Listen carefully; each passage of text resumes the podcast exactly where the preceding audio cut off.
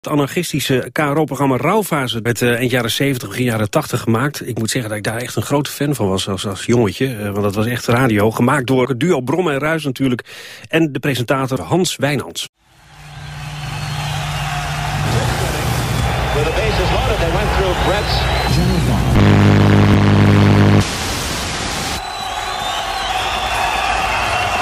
Vanavond, rechtstreeks in uw huiskamers.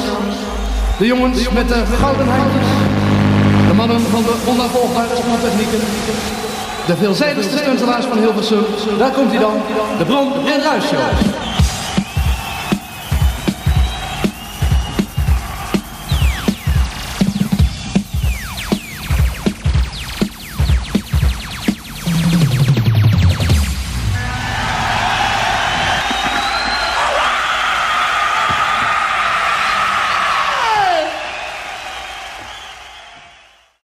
aflevering 78. En we gaan in deze verkiezingsreeks met de Partij van de Arbeid op campagne. Althans in 1981 met Hans Kombrink. Ik dacht altijd dat hij uit Rotterdam kwam, maar is geboren in Steenwijk. Anyway, Partij van de Arbeid, toch een partij 76 jaar oud, nu in 2022. Het is geen kattenpis, dat kunnen we zeggen. We gaan op campagne. Althans, uh, we gingen op campagne in een dorpje in het midden van het land. Ik weet niet meer precies waar. Het was overigens in de periode dat de Partij van de Arbeid ook een van de grootste partijen was in de Kamer. Het is na die tijd niet meer voorgekomen. Goed, oude politiek met onze vaste rubriek. Hoe snel wordt er ja of nee gezegd op een duidelijke vraag? Kan dat in één seconde? Wie weet, we gaan het zien. Wereldblik Politiek. Een programma waar de JOVD het volgende van vindt. Ik vind het geen leuk programma. Waarom niet? Nou, ik vind het niet interessant. Hans Knoop van Realisten 81 had een andere benadering. Ik pleeg voor bepaalde omroepen mijn woorden zorgvuldiger af te wegen. Hoe zit het met de KRO? Uh, ik ben altijd zorgvuldig, maar er zijn omroepen waar ik uh, extra zorgvuldig ben. Nee, maar hoe zit het met de KRO? Uh, zorgvuldig afwegen. Ja, dat, valt de, dat is de categorie zorgvuldig. Dat is, de, dat is niet de categorie extra zorgvuldig. Ach, nou, vanavond in Wereldblik Politiek Hans Kombrink van de Partij van de Arbeid.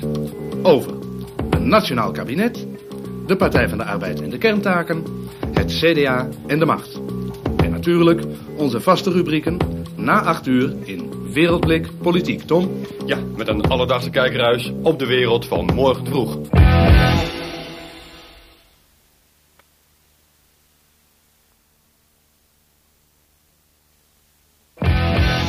Wereldblik Politiek. Voordat we echt van start gaan, even terug naar vorige week. Toen vroegen we de luisteraars ons een briefkaartje te sturen naar postbus 9000... waarin zij op, aan en andere opmerkingen konden plaatsen. Uh, vragen dus aan politici die we onderweg tegen zouden komen tot 26 mei. Een greep in de postzak levert een kaartje op uit Enschede. Aan Hans Kombrink van de Partij van de Arbeid leggen we deze briefkaart voor. Want wij zijn ook voor democratie. Dat is heel mooi van jullie. Ja, dat vind ik zelf ook. Er is een briefkaart van Johan Ruiter uit Enschede. Vraag 1 is... Wat is volgens u de grondoorzaak van alle problemen? Een hele breie, geloof ik. Ja, en die laat zich, moet ik vrezen, in die algemene termen niet, niet beantwoorden. Omdat er niet één grondzaak is voor alle problemen. Goed, uh, de tweede vraag die hier wel op aansluit. Bent u in de politiek gegaan om die problemen op te lossen? Jazeker. Daarmee hebt u volgens mij ook de laatste vraag beantwoord. Want die luidt, ziet u het nog wel zitten of zit u uw tijd ook een beetje uit? Nee, ik zit mijn tijd niet uit. Op het moment dat dat het geval was, zou zijn... dan zou ik zeggen... nu een ander die met verse energie er tegenaan gaat. Maar dat moment heb ik voor mezelf nog niet bereikt. Zeker als je het gevoel hebt ook iedere dag nog zelf nog een stukje te leren. En dat waren de vragen van? Johan Ruiter uit Enschede. Nou, iedereen kan nog uh, insturen voor andere politici die we tegenkomen. We bevinden ons in een parochiehuis in een dorp in het midden van Nederland. Daar is een bijeenkomst van de Partij van de Arbeid. En daar worden ook vragen gesteld in de zaal. Ik begrijp namelijk dat hele verhaal niet. Uh, waarom er zoveel geld geleend moet worden. Dat geld komt toch ergens weer terug. En nou komt er niks terug van al die werkloze uitkeringen. Dus 70% dat heb je gewoon al. Ik, ik ben het En dan moet u niet, dan ik moet u het geen antwoord geven dat het potjes moet komen, want dat verhaal dat hebben ze al, al, al zo een nee. keer verteld. Ja, daar komt u natuurlijk wel mee. Wat gebeurt hier? Er wordt een vraag gesteld, een ingewikkelde vraag. En die vraag wordt afgesloten met een veronderstelling van het antwoord. Dat is gevaarlijk. Want, wat gaat dan de politicus antwoorden? Ja, daar komt u natuurlijk wel mee. Nee, nee, want u weet ook niet wat ik wilde zeggen. Want ik wou u in hoge mate gelijk geven. Eh, net toen u, toen u inviel eh, en de voorzitter zei van zo voldoende, toen kreeg ik die gelegenheid dat ik even eh, slikte. Na Maar ook een politicus is maar een mens. ik. En ook een politicus heeft zelf ooit eens een keer in het grijze verleden voor het eerst zijn eerste vraag gesteld. Hoe ging dat bij Hans Kombrink? Ik herinner me nog heel goed, als broekie van 15 eh stelde ik voor het eerst van mijn leven een openbare bijeenkomst de vraag aan meester G.B.J. Hilteman die de wereldpolitiek uiteen kwam zetten. Nou, ik deed het bijna in mijn broek. Eh, ik heb me toch weten te verheffen boven mezelf op dat moment.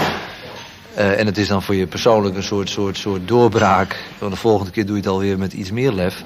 Maar ik, ik weet nog heel goed, dat soort dingen voor de eerste keer.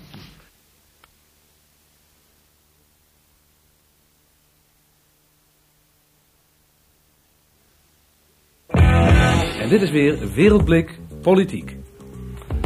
Toen ik afgelopen week in een café kwam, zei een meisje tegen mij: Brom en Ruis zijn niet leuk meer als ze aan politiek gaan doen. Ja, en dat is natuurlijk ontzettende flauwekul, want we zijn helemaal nooit leuk geweest. En politiek is op zich ook niet leuk. Maar wel belangrijk natuurlijk. En je kunt je dan af gaan vragen: hoe komt het nou dat mensen niet meer geïnteresseerd zijn in politiek? Want we hebben er alles mee te maken. Kortom, waar komt die desinteresse vandaan? Dat vroegen we ook aan Hans Kombrink. Die desinteresse eh, is er. Dat ken ik niet. Heeft wel meer dan één achtergrond. Eh, ik, ik, ik geef toe dat de, de mate waarin eh, mensen echt politiek geïnteresseerd zijn... nadelig wordt beïnvloed door het feit dat de afgelopen vier jaar ook zo demotiverend is gewerkt. Kennelijk is een meerderheid van de Kamer in staat, door beslissingen die ze neemt... of is een soort van kabinet wat op die meerderheid steunt in staat... om ook de politieke interesse te doen verminderen. En ik, ik, ik vind het een heel griezelig verschijnsel. Jeugdwerkloosheid, ook, ook zo'n punt. Als, als naar een bepaalde categorie toe. Ja, wat hebben die van de huidige politiek te verwachten? En dan is het ontzettend moeilijk aan die jongeren... politiek is dan eh, de regering die er nu zit? Eh, ja, ja. M- Vanwege dat ontbreken van enige taakstelling en enig resultaat de afgelopen jaren. En dan is het, ook voor ons, dat geef ik heel eerlijk toe, moeilijk naar diezelfde groep toe duidelijk te maken dat het anders zou kunnen. Toen ons land in 1945 bevrijd werd, heerste er een stemming met z'n allen de schouders eronder, nationaal bezig. Ons land zit weer in de moeilijkheden en er is één iemand die al heel lang praat over een nationaal kabinet.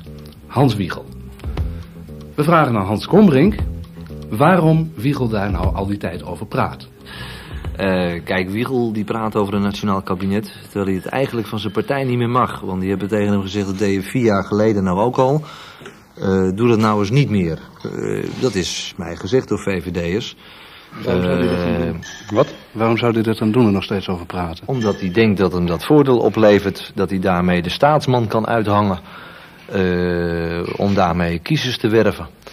Nou, meneer Van Acht beschouwt het misschien als een gevaar.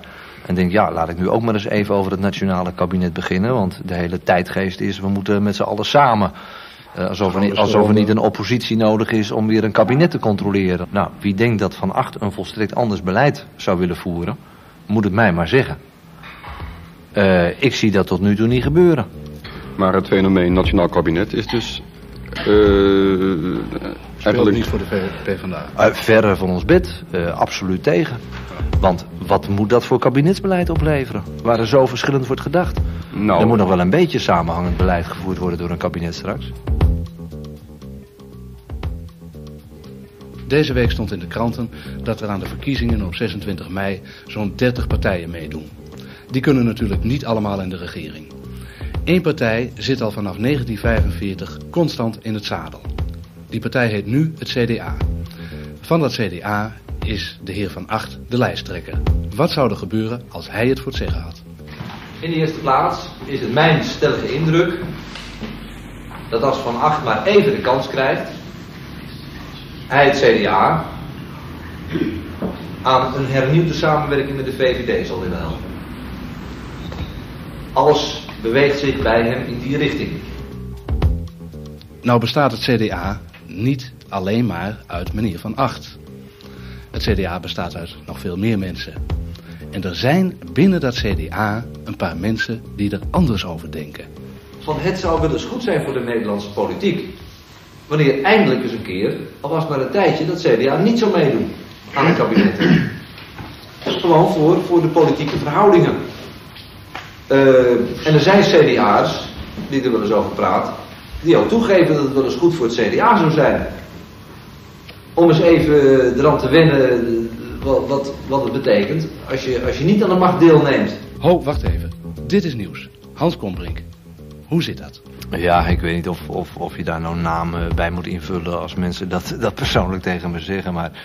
Wordt uh, persoonlijk gezegd? Uh, ja, er wordt persoonlijk gezegd. Ik, in een openbaar debat hoor ik dat niet zo snel. Hoewel het er, er, laten we zeggen, de iets meer verlichte zijde binnen het CDA, hoe piepklein ook, uh, daar hoor ik die geluiden met name wel eens van. Komen we de van, ja, van de loyalisten? ja, en, daar zo, zo omheen. Van ja, we zijn natuurlijk erg verwend wat betreft het hebben van macht. Wij weten niet anders of wij hebben macht. En omdat we in het centrum van de politiek zitten, hoeven we er ook eigenlijk niet zo hard voor te sjorren. Om, om, om die macht te houden. Het CDA is te makkelijk geworden, vindt u? Ja, veel, veel te makkelijk.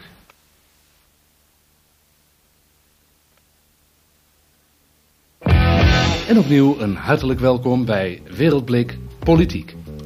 Wij bevinden ons nog steeds in dat kleine zaaltje, ergens in dat dorp, ergens in het midden van het land. In de zaal Hans Kombrink van de Partij van de Arbeid, die zo'n 20, 25 mensen toespreekt. Tom Brom peilt de meningen. Mag ik u wat vragen? Bent u wat wijzer geworden? U? Bent u wat wijzer geworden? Uh, ja, dat, ik wist het allemaal al natuurlijk. Hè. Je verwacht dit gewoon. Als je dus je, je kranten leest, je houdt een beetje bij, dan is het geen verrassing meer natuurlijk. Hè. Ja, u bent weinig wijzer geworden. Hm? U bent dan weinig wijzer geworden. Uh, nou, ik ben in die zin wijzer geworden. Dat als ze dit vasthouden, uh, wat ze doen. Alleen ik vrees dus met het CDA dat het een mogelijke zaak is. Dus uh, wat een teleurstelling is, is dat ze zo graag met de CDA weer mee willen. Je had nu een keer moeten zeggen nee. Dan had je dus die kiezers of gedwongen, echt gedwongen, om op uh, PvdA op D66 te stemmen. Terwijl ze nu zeggen, het maakt toch een pest uit, want ze gaan toch weer met het CDA. Dus kan hij ja. Weet je wat ik bedoel? Ja, ja. Terwijl het CDA steeds rechtser wordt. Hè? Mhm. En nou, terwijl je dat allemaal ziet. En je hoort dan dat ze toch weer met het CDA. Dat is voor mij een teleurstelling. Ja. Mag ik vragen, waar bent u van? Ik ben van de KRO. Dus. U kijkt erbij alsof u zegt van nou... Nou, nee, ik, ik was bang dat het van de tros was. En weet u waarom? Die gaan de zaak uit zijn verband lichten als ze het zouden gebruiken. Ja? Ja, de KRO ben ik niet bang voor. Nee, hoeft u ook niet bang voor te zijn. Maar u bent teleurgesteld in het PvdA. Ik, ik, neem aan dat u altijd gestemd hebt op uh, de Partij van de Arbeid. Niet altijd. Eén keer heb ik gestemd op uh, uh, PSP. Maar dat heeft geen invloed, dat heeft geen zin natuurlijk. Nee, nee. nee. Waar, gaat, waar gaat u straks op stemmen? Ja, wat moet ik? ik stem op de Partij van de Arbeid, maar een figuur als een uil, daar word ik ook een beetje raar van.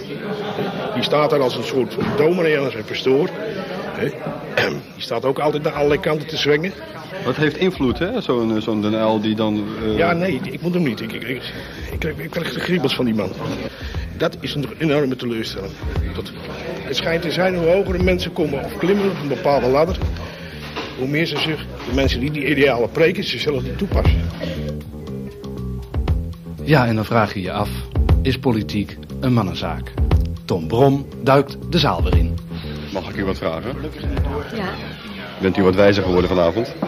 Mm, ja, toch wel wat. Wat? Um, nou, ik uh, ben altijd alleen maar meestal een beetje aanhangsel. Maar ik wilde gewoon weten wat precies het beleid was hiervan. En, uh, ik, ik bemoei me eigenlijk verder heel weinig met politiek. Ik vind één in huis genoeg.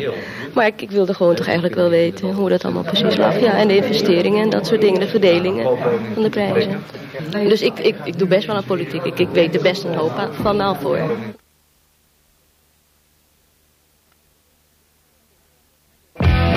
En wederom hartelijk welkom bij Wereldblik Politiek. Hoogste tijd voor onze vaste rubrieken. Hans Kombrink en de definitie van politiek. Politiek is, uh, nou moet ik daar heel snel over nadenken. Je bent er dagelijks mee bezig, maar de definities vaststellen doe je niet iedere dag.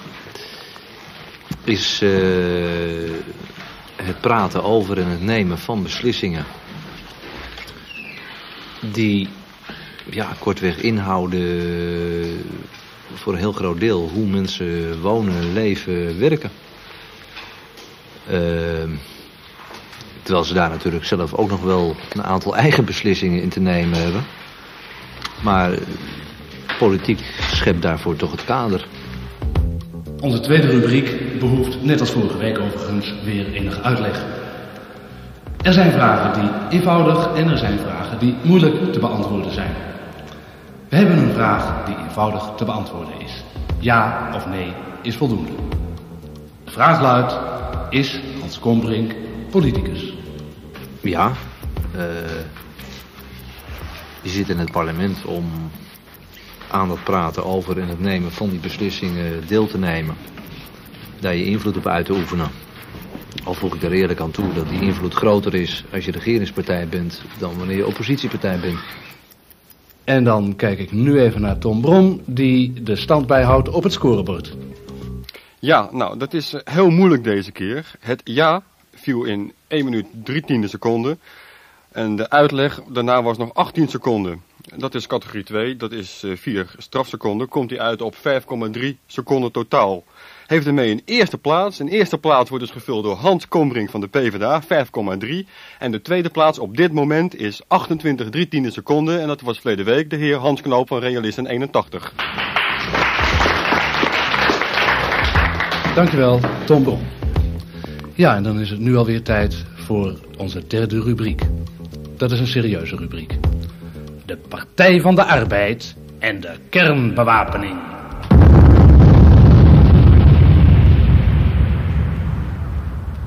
Nou, de PvdA zegt ook, doe er maar vier op zijn minst de komende periode van de deur uit. Naast geen nieuwe. Vier van? Van de, van de zes die we nu hebben van die kerntaken. Waar kiezen ze voor Met... als ze voor de PvdA stemmen? Voor geen nieuwe en voor terug naar twee in elk geval. Tja, en dan zijn we alweer zo ongeveer aan het eind van deze Wereldblik Politiek. We hebben nog één vraag aan Hans Kombrink. Wat gaat hij doen als hij uitgekeken is op de politiek? Ik, ik zou de journalistiek, maar dan een beetje in de commentaarsfeer... dus schrijven over politiek en maatschappij... zou ik ook ontzettend leuk vinden. En dat is, dat is een van de dingen uh, waar ik zeg, nou, als me dat gegeven zou zijn, als ik ooit eens uit die kamer stap, uh, dan zou ik dat erg leuk vinden, denk ik. Aan deze wereldblik politiek werkte mee Tom Brom, Jan Ruis, techniek Jack Aalten, Hans Kombrink van de Partij van de Arbeid, mevrouw de Jong en haar buurvrouw een vraag stellen. En voordat we eruit gaan is het laatste woord aan Jan Schilleboer. Als je botje bij botje ligt, krijg je uiteindelijk een geraamte. Dankjewel Jan. Tot volgende week.